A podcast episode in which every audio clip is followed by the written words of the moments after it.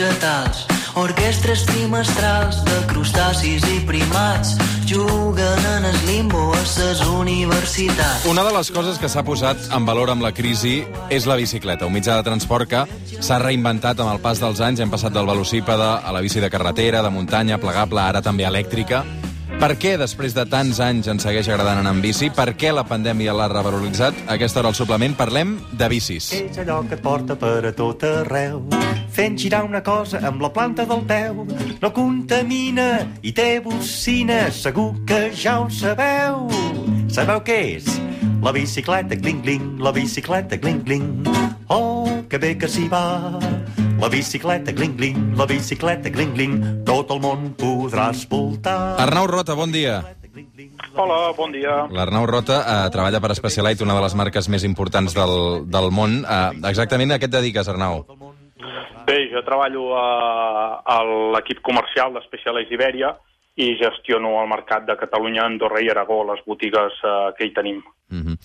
eh, S'ha revaloritzat aquest mitjà de, de transport eh, aquests últims mesos, oi, Arnau?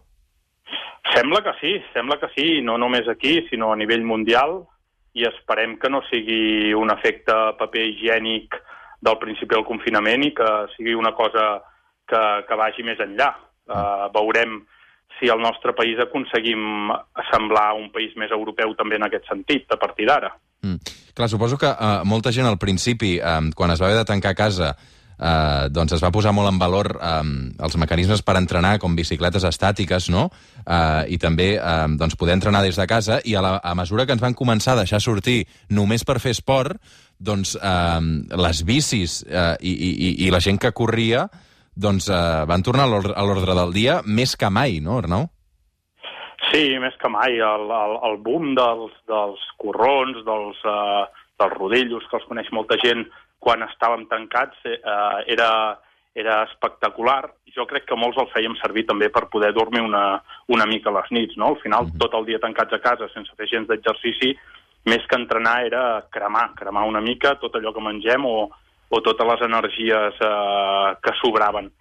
I a la que vam poder començar a sortir, doncs, eh, almenys pel voltant d'aquí a casa, veiem doncs, eh, opcions molt diferents, des de eh, els nens més eh, joves que, que el que busquen és eh, fer exercici, que estan acostumats tot el dia a estar, a estar eh, cremant, jugant al pati de l'escola, i que caminar no els acostuma a agradar massa, caminar amb els pares, doncs que feien servir la bici, els adolescents que els havíem tingut tancats a casa i que no es podien relacionar amb els seus amics i et trobaves colletes d'adolescents eh, anant en bicicleta i això és un gran què perquè, perquè ho trobem molt a faltar i sobretot veure bicis molt antigues o bicis de, de 10-15 anys eh, que, que feia temps que no funcionaven clarament i que van començar a tornar a funcionar i que segueixen funcionant. Uh, no sé si pel fet de que amb els horaris uh, d'activitat esportiva ens concentrem molt més, però almenys aquí al voltant de Cardedeu uh, es veuen molts més esportistes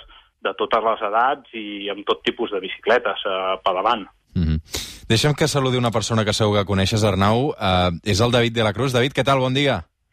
Hola, bon dia. El David és un ciclista sabadellenc eh, del Team Emirates que l'enganxem, a més a més, eh, entrenant, David, oi? Sí, això mateix. O sigui... Nosaltres que tenim, doncs, bueno, tenim una mica més de llibertat no? amb el tema de les restriccions horàries pel fet de ser esportistes al nivell, mm. doncs mira, m'agafes ara mateix entrenant. Ah, on ets exactament? Ara mateix estic a Sagaró. Uh -huh. O sigui, eh, a Sagaró, i des d'on has sortit?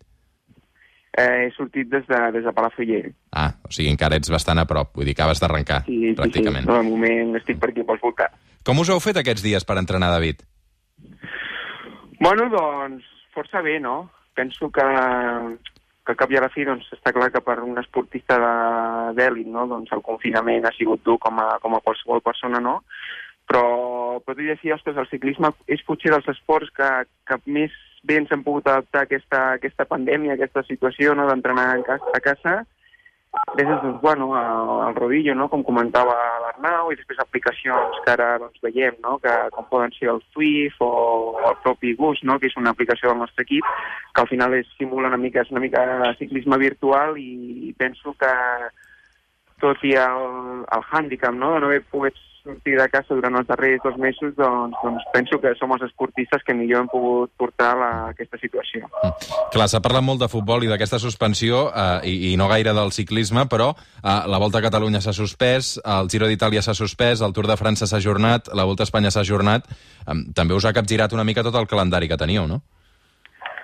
Sí, ha canviat tot, no? Uh, com era d'esperar, perquè a més, doncs, bueno, uh, hem de parlar que potser un partit de futbol és més fàcil fer-ho a porta tancada, com una cursa doncs has de limitar, molt, limitar el públic és més complicat, però, però bueno, sembla ser que, que el Tour sí que es podrà fer a finals, començarà a finals de juny, de juliol, la, el Giro també sembla ser que sí que es farà finalment i, i la Volta a Espanya també, no? Està clar que hi ha moltes curses aquest, que aquest any es perdran, com, com la Volta a Catalunya, que era el centenari, i també doncs, la Volta al País Basc i unes altres tantes, però, però bueno, esperem que, que les coses així, doncs, les, les grans, que són uh, Giro, Tour i Vuelta, i després doncs, les, les clàssiques doncs, es puguin fer per, pel bé del ciclisme, no? perquè hem de pensar que el nostre esport doncs, bueno, eh, viu molt de, de, la, de la televisió, de, de que la gent doncs, pugui veure les, les marques que, que es publiciten a la tele i tant de bo doncs, que es pugui fer el calendari tal i, tal i com està marcat ara mateix. No? Mm -hmm.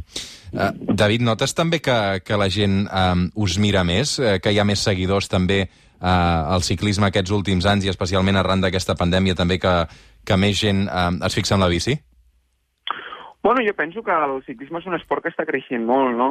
Eh, nosaltres ho veiem que al cap i a la fi hem de pensar que la bici és un esport que es fa a tot el món, que les competicions es fan a Austràlia, Estats Units, i nosaltres quan viatgem nosaltres veiem que potser països que no tenen tanta tradició ciclista com més els països d'Europa, doncs hi ha una, un creixement molt gran, no? Vas a Austràlia i és increïble, no?, la cultura ciclista que estan agafant, i penso que, que és una cosa que, bueno, que, que està anant a més i que potser doncs, bueno, amb, el, amb, amb aquest tema no, del Covid-19 doncs, doncs hi, ha hagut, hi ha hagut un, un repunt no? i esperem que, que continuï així, no? que no sigui, doncs, bueno, com comentava, com comentava l'Arnau, que no sigui un efecte paper higiènic, però jo penso que no, no? Que, és una, que és una tendència que ja es porta veient.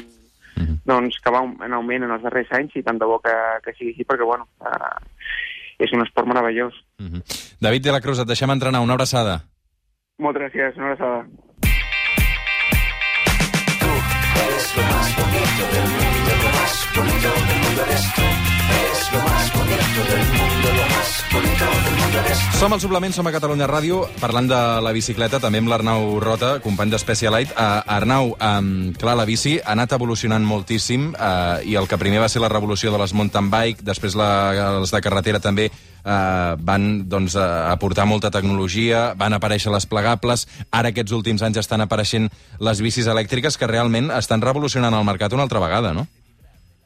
Sí, sí, sí, sens dubte. Els últims anys eh, la bicicleta ha crescut molt, a Catalunya ha crescut molt amb la vessant més esportiva i darrerament doncs, a Barcelona, gràcies a les plegables, sobretot, eh, i els carrils bicis, doncs, amb la vessant urbana eh, està creixent molt a poc a poc, mentre eh, pel que ens expliquen els companys d'altres països, doncs, doncs eh, també han crescut moltíssim a nivell urbà a, a tota Europa eh, gràcies a les elèctriques també, no? que aquí es veuen com, com una bici molt més esportiva. Uh -huh. uh, i, I a banda que, que, clar, entenc que les elèctriques també um, donen possibilitat a, a gent gran o, o gent jove que estava fora de forma i que li permet fer unes rutes que fins ara era impossible, no? Perquè, en el fons, no deixes de portar un motoret a la bici, no? Uh, jo amb les elèctriques, després d'haver-ho viscut per experiència pròpia, uh, recomano a tothom, a tu el primer, Roger, sí. que ho proveu, uh, perquè el concepte aquest de les elèctriques són per gent gran mm. o... Uh, l'he provat, l'he provat, l'he provat. Que no estan en, en forma, doncs, doncs et desapareix. Jo pensava això, quan mm. me les van presentar per primer cop uh, ja fa molts anys, i el dia que la vaig provar vaig pensar, doncs mira, el meu pare si vol una elèctrica que se'l compri, jo aquesta la vull per mi. Uh, ah. Deixem-ho estar, això que és per gent gran. Uh, L'elèctrica dona moltes possibilitats. Uh, a Specialized diem uh, que les nostres elèctriques ets tu només que més ràpid. I a mi, per, per exemple, em serveix uh, per fer-la servir el divendres a la tarda, que és el dia de la setmana que estàs més cansat després d'haver treballat tota la setmana, i que si tornes a sortir en bici, perquè a la tarda tinc la sort de no treballar, si tornes a sortir en bici i et canses una mica més, el dissabte els amics d'estomàquet pedant. Aleshores el que em convé és mirar de descansar, però vull aprofitar per anar en bici, agafo l'elèctrica, faig dues hores, dues hores i mitja de corriols, eh, i torno amb un somriure d'orella a orella i arrenco el cap de setmana doncs, doncs més, més bé que mai. No? Mm. És veritat que per algú que no està en forma o que per l'edat doncs, ja no pot arribar tan lluny o fer aquella pujada més llarga, doncs l'elèctrica li permet fer i, i les elèctriques uh, són per tothom i per això recomanem que, que les provin no? Mm. abans de poder parlar hi ha molta gent que diu que això que les elèctriques és fer trampa, començant pel meu fill, o que, o que això, que encara no la necessito, que encara em puc esperar a fer 60 anys o fer 50 anys, i crec que és una pèrdua de temps no provar-la abans i, i poder-ne gaudir. Escolta'm, uh, i, i, i tu també que coneixes la ciutat i que has visitat altres ciutats europees, uh, què diries que li falta a Barcelona per ser una ciutat 100% adaptada a la bici urbana? Uh, a part de la consciència una mica de tots, uh, realment el, el que més trobem a faltar els que ens desplacem en bici per la ciutat són aparcaments uh, amb un mínim de seguretat, no? Uh mhm. -huh. Fins i tot a nivell de, ja de, de concepció de les empreses, de les companyies, doncs tenir, tenir un espai destinat a, a guardar la teva bicicleta eh, o fins i tot al carrer, com hi ha a moltes ciutats europees, aparcaments vigilats, aparcaments segurs. Eh, és infraestructura i, per tant, és una cosa d'administració, és una cosa de que les empreses ho valorin, tenir uns treballadors que van a treballar en bici, més sants, que arriben menys estressats que si han estat fent cua de cotxes o que si han estat amb la moto, que és un risc molt més alt, i, i és un problema una mica això, de, de tots plegats que, que hi sumem. Tenim forces carrils bici, jo, que no sóc de Barcelona i no me'ls conec, trobo que falten indicacions, a vegades per Berlín o per Amsterdam és molt més fàcil desplaçar-te per un carril bici perquè hi ha senyalitzacions del, carril, del propi carril bici que a Barcelona no hi trobo, uh, però, però els carrils déu nhi I després definir-ho una mica més. Uh, jo fins fa poc no sabia que pel carril bici no podia anar més de 25 per hora. Uh, per tant, no entenc que hi hagi patinets pels carrils bicis que van força més ràpid i la convivència és molt complicada. Doncs bé, són coses que s'han d'anar regulant i, i bueno, hauríem de veure si realment volem una ciutat molt més neta com hem tingut aquests dies de confinament eh, i sobretot això, no? guanyar amb qualitat de vida, eh, anar tots força més tranquils i menys estressats a treballar, a buscar els nens a l'escola o amunt i avall. Mm -hmm. Arnau Rota, gràcies per atendre aquest matí la trucada del suplement. Una abraçada. Moltíssimes gràcies, Roger. Una abraçada.